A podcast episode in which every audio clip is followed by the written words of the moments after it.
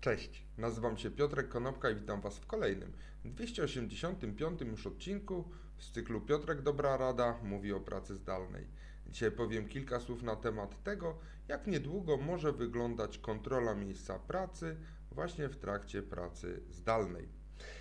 Ponieważ trwają cały czas prace nad znowelizowanym kodeksem pracy, dopuszczającym pracę zdalną na stałe, a nie na podstawie tylko E, przepisów tarczy antykowidowych, to e, te przepisy cały czas ewoluują i nie znamy jeszcze ich ostatecznego kształtu, ale kontrola pracy zdalnej będzie mogła się odbywać e, nawet bez zgody tego pracownika. Tak wygląda ostatnia wersja tych przepisów.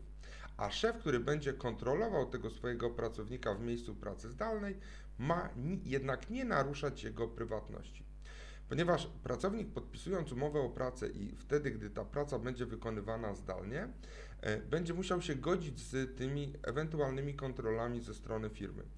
E, firma nie będzie musiała powiadamiać pracownika, a tak do niedawna te projekty y, przepisów wyglądały, że trzeba będzie zawiadomić, to teraz najnowszy zapis pokazuje, że jednak tego zawiadomienia nie trzeba będzie uzyskiwać, jednak e, będzie trzeba pilnować się, żeby nie naruszać tej prywatności.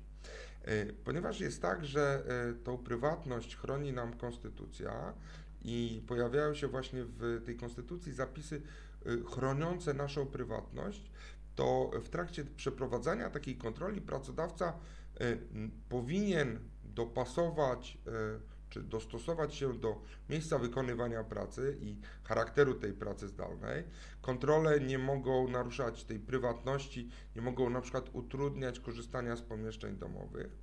Jednak należy zwrócić uwagę też na pewnego rodzaju rozbieżności, ponieważ zgodnie z projektowanymi przepisami za organizację stanowiska pracy zdalnej z uwzględnieniem zasad ergonomii odpowiada pracownik.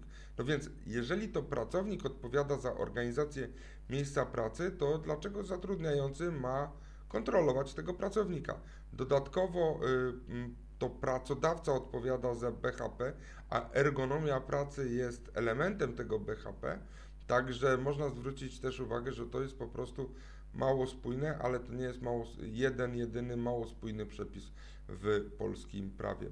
Zobaczymy, jak to będzie wyglądało w rzeczywistości, co się pojawi naprawdę, a co jest na razie tylko projektem, bo pamiętajmy, prace nad y, pracą zdalną rozpoczęły się ponad rok temu i nadal jesteśmy y, jeszcze bardzo daleko y, i być może w tym roku jeszcze nie zobaczymy przepisów ujednolicających pracę zdalną.